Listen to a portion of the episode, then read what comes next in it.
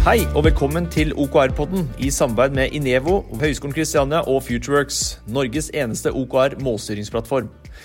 OKR-podden er for deg som er nysgjerrig på OKR og ønsker å lære mer om mål og virksomhetsstyring. Vi eh, vil diskutere alle aspekter og utfordringer knyttet til OKR, og du vil få en god blanding av diskusjoner, intervjuer med folk som har praktisk erfaring med OKR. Abonner på OKR-podden i Apple Podcast, Spotify eller der du hører på podkast. Og om du har spørsmål eller eh, andre tanker og refleksjoner, gå inn på OKR-podden og kommenter.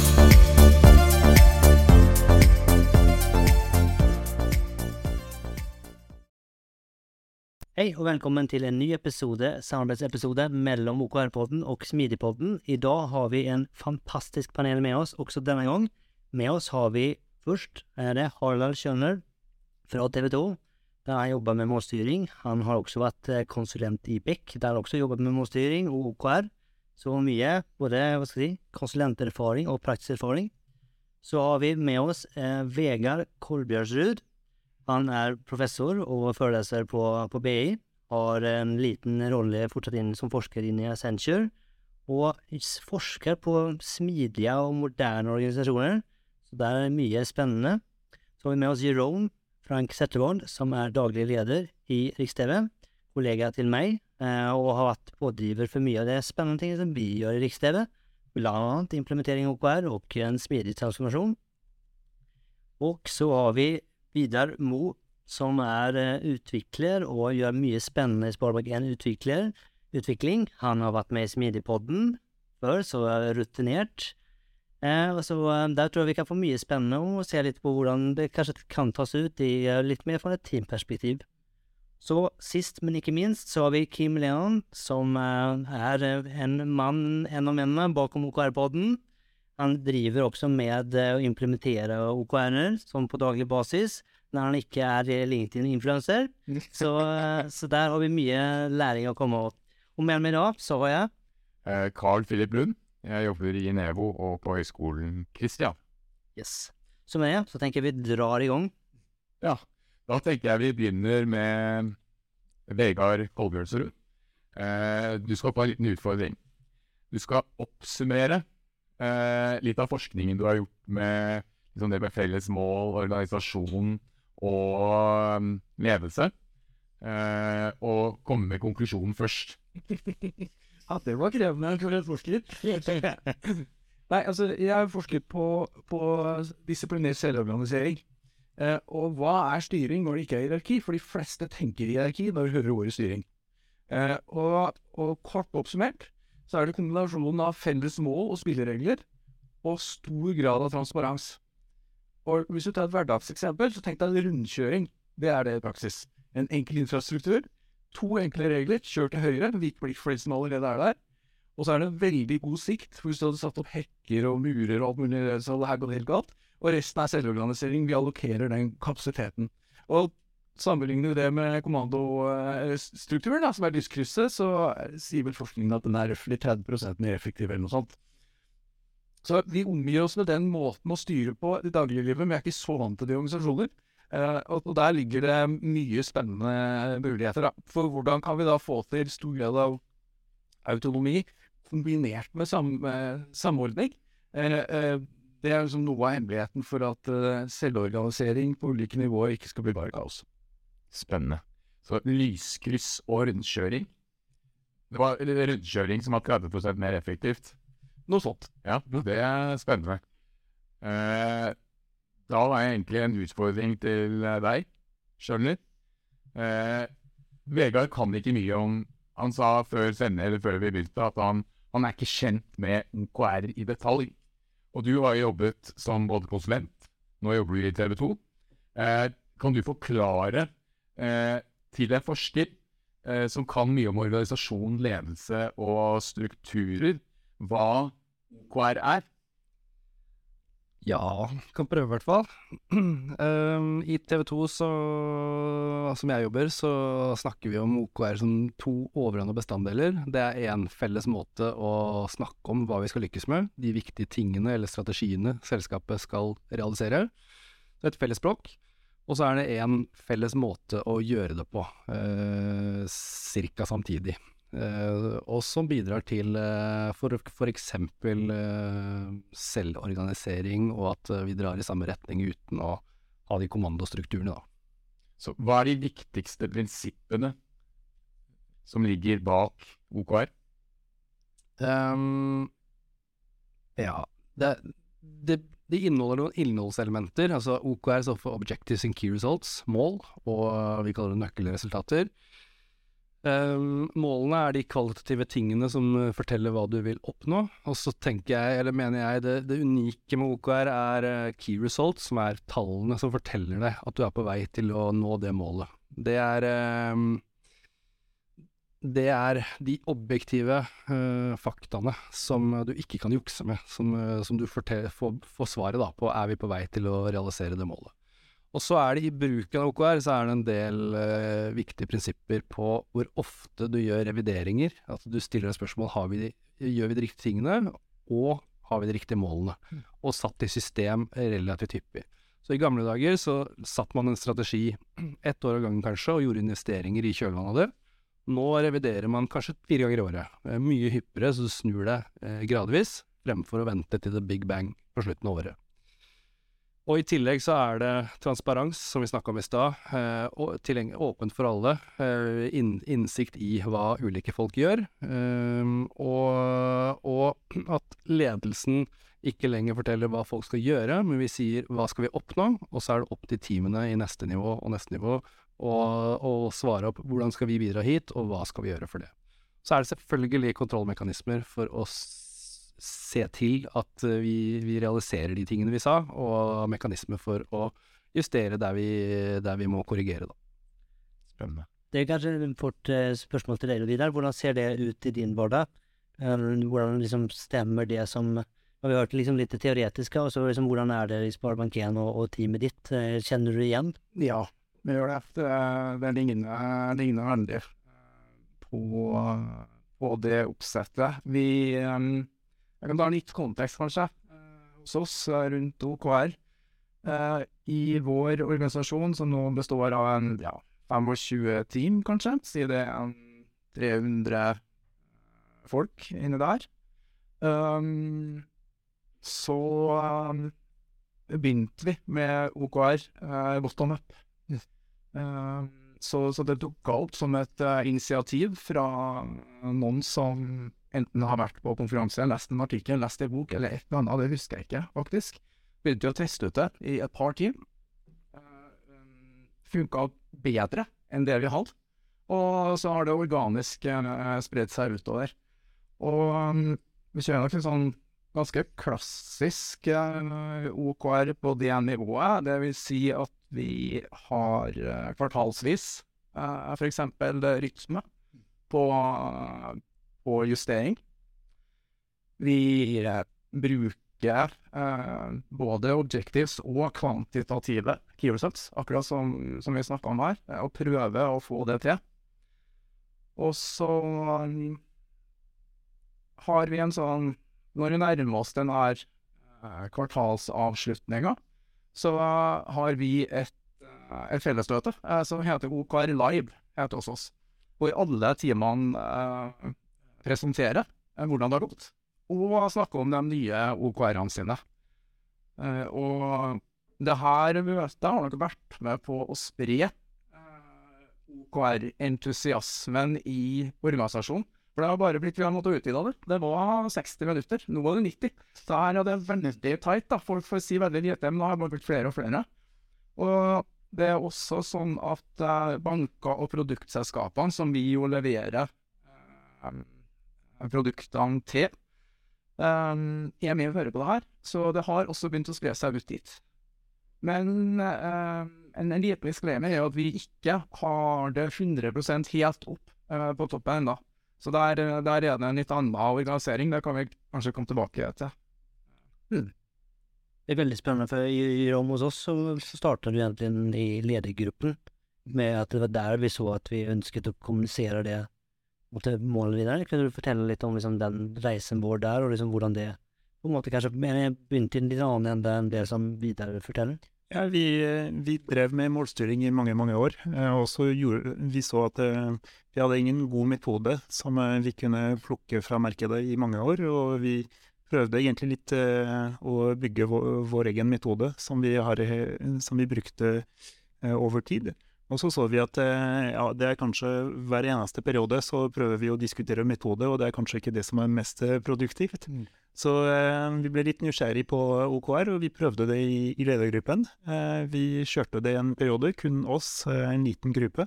Og så så vi at det der gir mening, det forenkler, det er litt sånn Metoden er på plass, språket er på plass, og la oss prøve. Vi prøvde litt top down, og det er ikke alt som er top down som funker så bra med, med en gang. Men eh, etter hvert så har det gått seg til, og nå har vi jobbet med det i ett og et halvt år. Spennende. Jeg, jeg ble litt fascinert av uh, rundkjøring-analogien. Ehm, fordi et bilde som antageligvis du er ganske kjent med sjøl, eller Freddy, ehm, er jo dette her bildet av hva strategi er, og hva KPI-er er, og hva, hvordan eh, OKR passer inn. Mm. Da er det et bilde av at eh, strategi det er som en sånn reiseguide. Hvis du skal ut og kjøre bil, så er det reiseguiden. Det er liksom destinasjonsguiden eh, for hvor du skal hen. Eh, og så sitter du og kjører en bil, og da har du et speedometer som sier litt om hvor fort du kjører. Og det kan jo da sammenlignes med KPI-er. Og så har du OKR, som er på en måte GPS-en. Og da lurer jeg på liksom rundkjøringen. Dette er jo noen felles regler. Så da begynner man å se noen eh, Det å ha enkle regler å forholde seg til, enkle og et felles ordforhold, det gjør jo at det blir lettere å komme til målet. Så nå ble det en sånn lang eh, snakk her, men jeg, jeg likte det der eh, eksempelet med rundkjøringen. Fordi skal du få gjennomslag noe sted, så må man kommunisere enkelt. Og folk må forstå spillereglene. Da går ting fortere. Jeg, jeg tror også i, i vår bransje så er min assosiasjon til eh, rundkjøring eh, rundkjøringer i Paris og uh, Trionbyen, hvor eh, prinsippet er ganske likt, men eh, da er det tolv avenyer, og, eh, og det er ingen som er prioritert. Men eh, du vet at hvis du krasjer, så er det 50-50. Ja, da betaler vi med 50-50. Ja, og det er ingen som krasjer pga. det. Så det er litt mer kaos, og det er sånn bransjen og industrien og verden har blitt. Og samtidig så har du litt sånn felles kjøreregler, og man finner litt ut av det mens når man først kjører inn, da. Ja. Så, så en komplisert hverdag hvor ting endrer seg veldig fort, Veldig. Ja. ja, så må man ha felles spilleregler, på en måte. Ja, det er litt sånn felles, felles spilleregler veldig ofte er et eh, langsiktig mål. Så hvor er det du ønsker å, å være om noen år? Ja. Eh, og så er det vanskelig å definere det veldig nøyaktig, fordi ting endrer seg så fort. Eh, og så plutselig så er du der med at du har landet en, en avtale med, med en kringkaster. For eksempel før sommeren så landet vi en spennende avtale med Viaplay om Premier League. Eh, to uker før vi landa det, så hadde vi, vi ante ikke om vi skulle komme i mål. Eh, plutselig så er du der med den avtalen, og da må du snu organisasjonen til eh, det som er ny realitet, men det må henge sammen med hvor er det du ønsket eh, å ta selskapet om x år. Så, så felles rammeverk, og så må du være veldig tilpasningsdyktig på hva er det som eh, nå plutselig dukker opp. Kim, du, du fortalte her før vi begynte å spille inn om at du er ute hos mange kunder og hjelper de i gang. Mm. Du kjører ofte workshops med, med ledelsen. Mm. Du fortalte om at det er ikke alltid så at de er så kanskje bevisst eller enige om hvor de skal en gang. Kan du fortelle litt om, om det du fortalte der?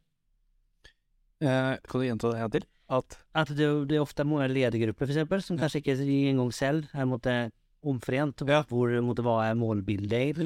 For de refererer jo her til at de, vi har det ganske klart for oss hva, hva det målbildet er, og det vi gjør. Even om vi tar en rett, endret retning, så, så henger det sammen. Men kanskje det ikke alltid er på en måte prioriteten en på høyeste nivå er, er, Ja. solklar, da.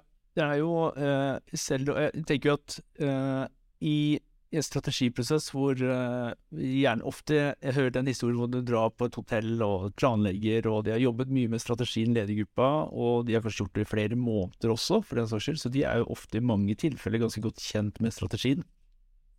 Men mens årene går og tiden går, så blir man jo veldig fort opptatt av hverdagen. Hverdagen kommer eh, fortere enn hva man tror, eh, og når man med en gang forlater den, så blir man veldig opptatt av de tingene som skjer rundt seg veldig fort. Så det som jeg refererte til der i stad, var at når den hverdagen kommer, og man kommer inn i et møte og skal begynne å prioritere, så, har man kanskje ulike typer prioriteringer igjen, ref den strategien som er satt. da. Men eh, jeg er jo enig i det som måte blir snakket om her litt sånn tidligere også, at man, man må jo ha en kontinuitet i det man jobber med.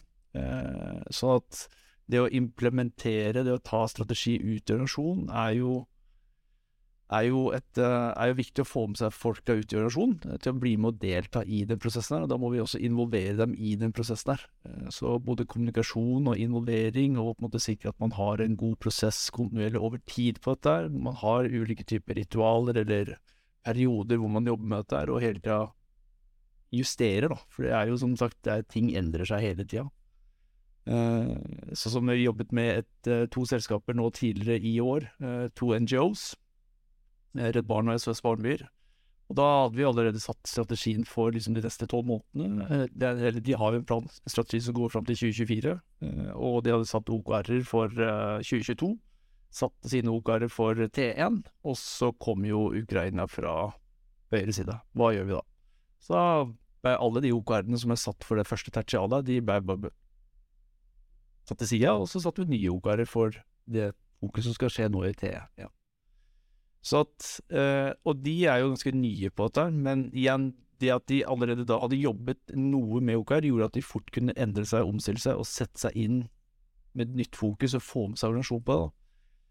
Sånn at eh, skal man jobbe med OKR-er og jobbe med strategi, så tror jeg at en kontinuitet, som har blitt snakket om her tidligere, eh, ha eh, hyppige justeringer, hyppige ritualer, sier for at det er fokus på OKR-en hele veien gjennom, er ekstremt viktig. Vi snakket jo litt om at det ikke alltid en strategi er en strategi. Du hadde jo noen, noen refleksjoner der, Vegard, at det finnes jo kanskje noen ja, dårlige eksempler? Mange, mange, strategier er jo sånn det er masse ting man ønsker seg, som blir sånn uh, ønskeliste, mm. og ikke prioritert. Og, og, og, og, det er jo litt trist da, at julenissen ikke jobber. Så I hvert fall ikke på BI. så jeg vet ikke åssen det er hos de alvore. Ja. Det er kanskje en lam med skjegg, men, men og der tenker jeg det er litt viktig også å tenke hvordan er det vi jobber med strategi. Så når vi, de fleste tenker Hvis de liksom lukker øynene sine nå og jeg sier ordet strategi, så tror jeg de fleste tenker plan. Mm. Og planlegging er en allerede utmerket tilnærming til strategi.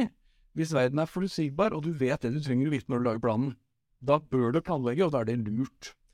Eh, og da kan vi stille oss spørsmålet hvor ofte er det tilfellet? Eh, eller i hvor stor grad er det tilfellet?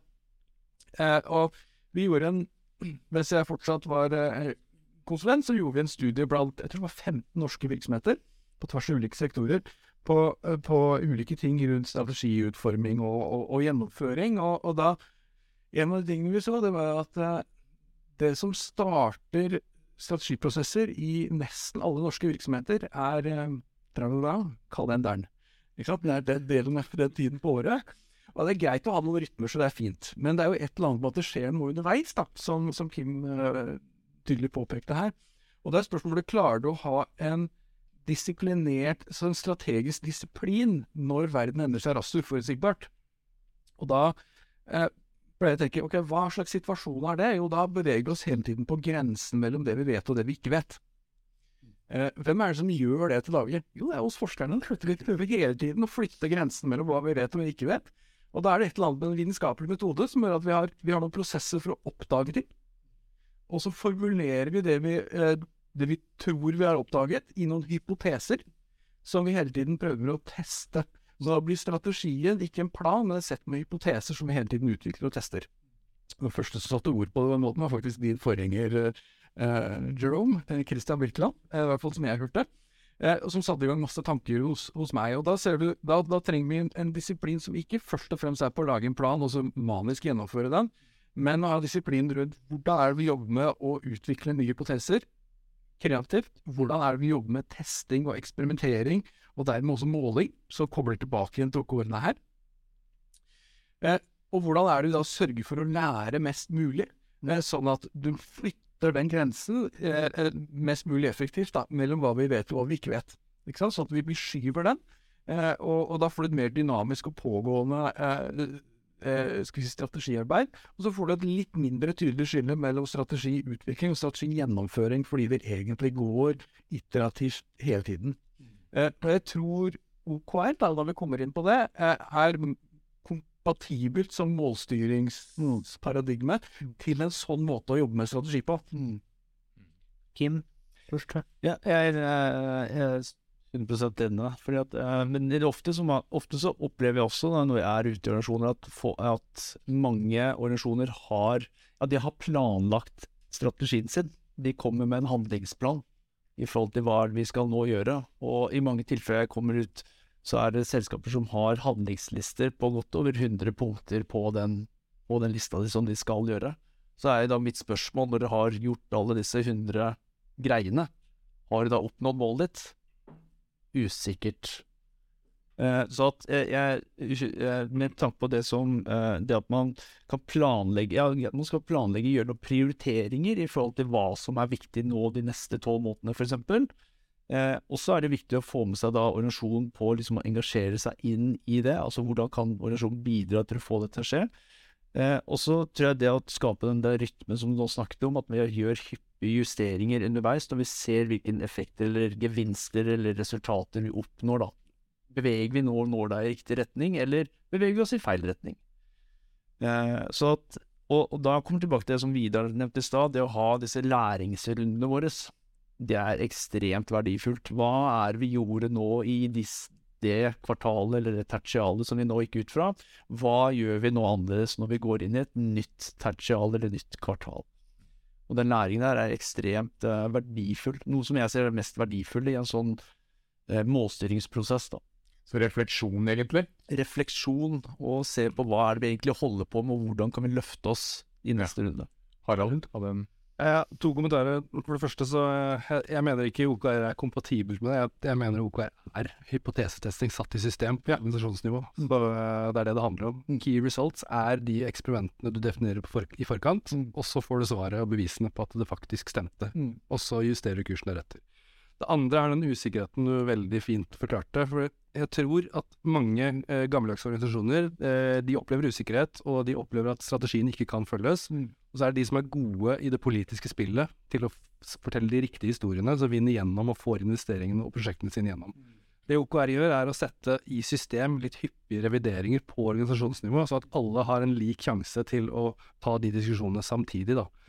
Ehm, og, og, og du trenger ikke å vente da på uh, en kalender som Eller du kan vent litt kortere på at kalenderen forteller deg når du skal diskutere. Så kjempegode betraktninger. Men kalenderen kan være en veldig nyttig verktøy for når du har planlagt de ulike typer ritualer underveis, så du får den feedbacken etter hvert. Du skal bruke kalender til det istedenfor ja. ja. Vidar? Konseptet med, med endringsrytme er faktisk fornuftig. altså at Vi har noe faktisk regularitet i det også. Så ikke det kommer som en overraskelse hver gang, men det er en del av måten vi opererer på. Hvordan tenker du med endringsrytme? Nei, altså Vi tenker ofte om endring som noe episodisk og et unntak. Eh, men hvis du har en, liksom en, en litt fast frekvens, så blir endring også på en måte for, forutsigbart. I hvert fall at du forholder deg til den. På, eh, så kan hva man skal gjøre og hvor endring skal skje og sånn, det vil jo på en måte justeres. Men, men det er noe med den mentaliteten som gjør at man gjør endring til noe normalt. Det tror jeg er fornuftig. Vidar? Ja, det, det siste her eh, Jeg opplever jo at endring er kontinuerlig med i vår hverdag. Men det er nok en refleksjon som er litt det samme som Harald sa nå, at jeg opplever jo at key-resultatene til produktutviklings, produktutviklingsteamene våre, eh, de er jo ofte hypoteser, rett og slett. Så der, der er det en sånn fin én-til-én-kobling ofte, da. Der. Giro? Jeg kommenterer i forhold til eh, langsiktighet og, og kontinuerlig, fordi um, vi, vi setter uh, ofte langsiktige, veldig langsiktige mål, og så tolv måneders mål. Eh, men vi bruker veldig lite tid til å, til å ha langsiktig planlegging. Um, så det vi bruker egentlig de OKR-prosessene til, er å bli enige om hva vi starter med, og bli enige om de målene vi skal ha i den neste perioden. Og så når vi er ferdig med, med den prosessen, så er vi veldig tydelige på at uh, det vi er enige om nå, vi vet at det, det blir datert om to uker. Eh, fordi noe kommer til å skje, enten noe, noe som er veldig liten, eller noe som er my mye større, som du snakket om Ukraina eller andre ting. Uh, og da, må man kontinuerlig tilpasse seg og, og revidere de kortsiktige planene. Og så vil de mer langsiktige målene følge deretter. Jeg er tilbake til det med endring. eh, Jeg brukte ordet endring veldig mye, men utviklingsprosesser. Altså det at vi utvikler oss, det er det, det, er det For meg så er det, det er det OKR er. At vi er i en, utvikling, en kontinuerlig utviklingsprosess. At vi ser på det vi gjør i en periode, og så lærer vi av det, og så gjør vi noen justeringer i forhold til hva som skal skje i neste periode. Og Hvis vi ser på da, en sånn Endringsinitiativen var en professor fra BE. Jeg kan ikke referere til navnet og personen og artikkelen, men jeg kan garantert finne den, uh, for den har jeg har hjemme på Mac-en. Uh, sier, han sa at uh, 70, 70 av alle endringsinitiativ feiler. Og det er ikke, det er ikke alltid at det er, og, og, det finnes jo flere målstyringsprosesser som feiler enn lykkes.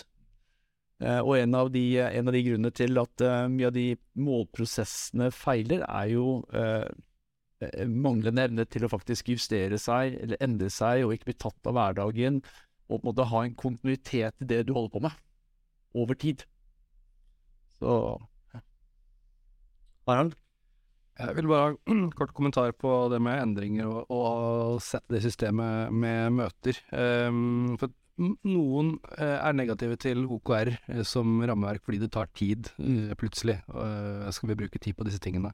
Jeg tror at når du, når du, opplever endringer og må ta det ad hoc, så tar det fryktelig lang tid, for du må tromme sammen på kort sikt, og det kommer på toppen. Men når du har satt i system, så vil en endring bare komme inn og være helt naturlig for deg. Og du tar stilling til det, ferdig, vi diskuterer det og lager neste mål videre. Jeg vil bare si en annen sånn gevinst med å ha satt i system. Mm. Det er felles spilleregler. Ja. Akkurat. Videre? Ja, det er en refleksjon. Eh, de her um, hypotesene som vi ofte jobber med, de, det kan jo godt hende at du får validert den kjemperaskt. Det, selv om den står der på et kvartalsmål. Kanskje har du svaret på ei uke. Mm. Eh, og da har du jo lært noe. Og da, da, blir det helt naturlig for det teamet å bare gå videre derfra. Mm. Eh, og da begynner vi å nærme oss det som jeg tenker er noe av essensen i smidig, mm. eh, som er hyppig feedback. Mm. Det er så rask feedback som mulig. Eh, og Der er det jo en fin sammenheng da, mellom smidig og, og hypotesedrevet utvikling, tenker jeg. Det, det, er et verktøy til å kunne navigere raskt. Mm. mm. Jo, vi, har, eh, jobbet med smidig i, eh, i veldig mange år på organisasjonsnivå. Men det vi har sett av den, kanskje den store verdien av å jobbe med OKR, er at man, det, det er ikke for å gjøre teamarbeid bedre, men det er for at man skal snakke bedre på tvers av uh, organisasjonen. Mm. Um, du, du, nevnte 26 team, litt usikker hvor mange. Vi har kanskje et sted mellom 15-20, litt avhengig av hvordan man teller. Uh, og det er ekstremt viktig at uh, folk har eh, et forum, arena, til å diskutere så hyppig som mulig. Mm. Sånn at eh, man er eh, omforent, eh, man går på de samme målene, og ikke driver med to ulike ting som drar i litt hver sin retning. Så hovedverdien av OKR er egentlig å snakke sammen på, på tvers for oss, da. Jeg ble trigget litt av det du sa, Kim, at liksom, de har denne listen med 100 tiltak, og så kanskje de gjennomfører alle sammen. De gjennomfører det veldig godt, og så vet de ikke om de når målet. Vi kommer jo fra en, et mindset der vi tenker at det er en lineær kobling mellom input, output og outcome. Eh, mens det vi snakker om her, er at det er jo ikke sikkert at du vet hva som fører til det du vil. Du kan gjøre masse ting, og du kan gjøre det kjempebra. Du kan kanskje jobbe masse timer og sende masse mail og gjøre masse ting, men det er ikke sikkert du når den effekten. Og den si, eh, realiseringen eller anerkjennelsen der opplever jeg kan være ganske tøff for mange. At liksom Ja, men betyr det at jeg har gjort en dårlig jobb? Eh, har dere liksom eh, noen tanker rundt det? Han, Kim? Jeg, jeg, jeg, tenker jo det handler om å gå fra et mer aktivitetsstyrt tankesett til et mer resultatstyrt tankesett. Og i, i mange av de prosessene som settes i gang, så opplever jeg at, eh, at, eh, at de målene som settes, er mer aktivitet. Så jeg er flink til å kanskje sette noen uh, objectives i forhold til å forklare hvordan suksess ser ut, men key resultene blir mer sånn aktivitetsstyrte. og jeg tenker at det tar litt tid, som Harald nevnte seg, å sette gode key results og komme til et til et nivå hvor du ser at nå begynner vi å få dette her til å funke på en god måte. Og det tar gjerne kanskje to, tre, fire iterasjoner med å jobbe med OKR-ene over tid. Sånn at du på en måte virkelig kommer og snur det tankesettet. For det er jo en ja, vi som mennesker er vi vant med å bare gjøre ting hele tida. Det er en sånn default mechanism at uh, hvis vi ikke finner noe, hvis vi ikke har noe å gjøre, så bare finner vi på noe å gjøre, bare for å virke opptatt. Det er sånn typisk mennesker holder på. Uh, så er det ikke noe styring, eller er det ikke noe led ledelse, så da, du, da finner vi bare på noe å gjøre. Uh, og det er det å stu det tankesettet der, da. Så ja. Det er. Dette er kjempefornuftig. Jeg tror veldig mange, eller de fleste virksomheter, har noe å lære her. Eh, så klart Når usikkerheten blir stor nok, og man faktisk gjør reelle eksperimenter, så er ikke målet med et eksperiment resultat, det er læring. Mm. Og da må måten man setter mål på, eh, være kalibrert for det. Mm. Fordi det å finne ut at noe ikke virker, mm. det er også innmari nyttig. fordi det er også forskjellen på et eksperiment. For det tåler du at du ikke fikk ønsket resultat. I forskjell fra et veddemål hvor du antageligvis ikke tåler det, eller du tåler ikke mange mm. eh, veddemål som ikke går inn. Eh, og det er viktig å se at det, dette må jobbe med, eks med eksperimenter, og ha da målekriterier for det det er en måte å håndtere risiko på. Mm. Eh, fordi du ikke kan planlegge det ut av det, du kan ikke analysere det ut av det. Eh, og det er ikke så innmari lurt å ta en råsjanse, mm. eller altså et veddemål. Mm. Eh, og, og, da er, jeg tror det er viktig å, å liksom kalibrere hva slags type ting man måler. Eh, sånn at man, Hvis man ikke gjør den, så vil man kanskje implisitt skyve folk mot å gjøre helt inkrementelle forsøk, mm. hvor du vet nesten helt sikkert hva som kommer til å skje, sånn at du får de ønskede resultatene. Eh, og der tror jeg det er en kulturgreie, og man på en måte må, må vise litt godt skjønn da, på måten man gjør det. Mm. Videre? Ja. Det er bare en kort eh, anekdote på en annen der. For vi har eh, snakka om i det siste at eh, ganske bra er kjempebra. Og det er akkurat det du sa nå, fordi at uh, når du ikke helt veit mm. uh, hvor du skal hen, hvis du har kommet deg et stykke videre, mm. så ja, ja, det er kjempebra. Selv om det kanskje bare føles ganske bra. Mm. Og det, det, er noe med at uh, det perfekte fort blir det godes fiende her, da.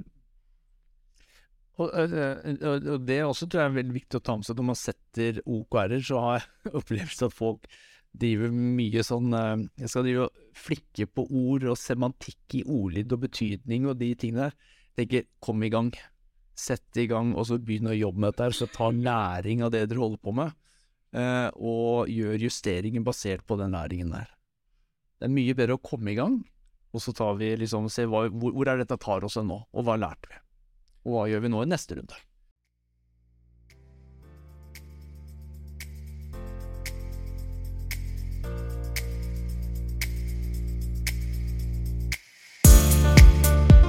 OKR-podden er gjort mulig av Inevo, Vavbook og Futureworks, Norges eneste OKR-plattform som hjelper deg med å sette fart på innovasjon, utvikling og vekst.